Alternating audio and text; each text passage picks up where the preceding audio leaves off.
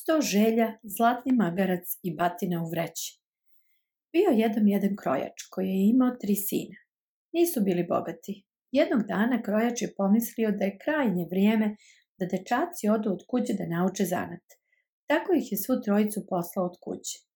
Najstariji sin je bio šegrt za nameštaj. Dečače, reče učitelj, hvala ti na entuzijazmu za zanat. Sada možeš i sam da radiš. Kao poklon za rastanak dobije mali drveni sto. Kada narediš stolu, postavi se, sto će se prepuniti najukusnijom hranom. Sin je bio veoma srećan i sada njegov otac više nikada ne bi morao da se brine o hrani. Na putu kući dečak je prošao pored gostionice. Možeš da spavaš ovde, reče krčmar, ali nema hrane. Ne muči se, reče dečak. Spustio je sto i rekao, stolu postavi se. Na stolu su se pojavila najukusnija jela. Krčmar nije mogao da veruje svojim očima. Spustila se noć i dečak je otišao da spava. Sutradan je odneo sto ocu. Njegov otac je bio srećan što je izučio zanat, ali čudesni sto je zaokupio njegovu pažnju. Stolu, postavi se, reče sin, ali ništa se nije dogodilo. Sin nije razumeo šta se dodešava. Drugi sin je bio šegrt kod vodeničara, Kada je njegovo šegrtovanje završeno, nagrađen je za svoj trud magarcem, ali to nije bilo bio koji magarac. Magarac bi čuvši, magare, protegni se, ispuštao zlatnike ispod repa. Dečak je seo na magarca da ide kući. Sada njegov otac više nije morao da radi.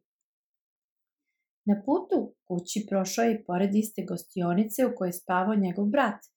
Mogu li da spavam ovde, upitao je gostioničara. Ako imaš novca, uvek, odgovorio je gostioničar. Sin je prišao magarcu i povikao, magare, protegni se. Uhvatio je novčić u kesu. Krčmar, koji je to slučajno video, za neme. Sutradan je sin nastavio na svom magarcu put oca. Od kuće nije mogo da veruje da magarac više ne daje novčiće. Ja ne razumem šta se dešava, očeno je povikao. Otac odmahnu glavom. Dobro je da si barem naučio dobar zanat, rekao je čovek, ne znajući baš šta bi rekao. Trećem sinu je napisao pismo o trpezi i magarcu. Treći sin je bio šegrt za stolara. Pročitao je i pismo svom učitelju. Ovaj je rekao, mislim da su ti braća opljačkana. Dao je trećem sinu torbu sa batinom. Primi ovaj poklon od mene kao zahvalnost za sav svoj trud. Ako vikneš batina u vreću, palica će dobro prebiti onoga ko to zaslužuje.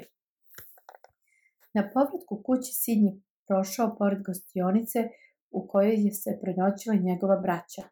Pitao je krčmara da li ima šta da jede. Da, odgovori krčmar. Možeš da jedeš koliko hoćeš, kad hoćeš. Sin je čuo kako gostioničar u kuhinji viče. Stolu, postavi se. Za sekund je na stol bio topao obrok. To je divno, rekao je dečak. Nikad nisam video da neko tako brzo sprema, ali ovde imam još veće čudo i pokazuje na torbu. Krčmar je pitao šta je to, ali sin je odbio da mu kaže. Te noći se gostioničar ušunjao u njegovu sobu, baš kako je i sin očekivao. Batina u vreću, povikao je sin, a gostioničar je dobio najveće batine do sada. Vrati mi sto i magarca moje braće, reče sin, ili će batine trajati večno. I tako je sin stigao u očevu kuću sa čudesnim stolom i magarcem, a njegov otac više nikad nije morao da radi. I sva četvorica su živeli srećno do kraja života.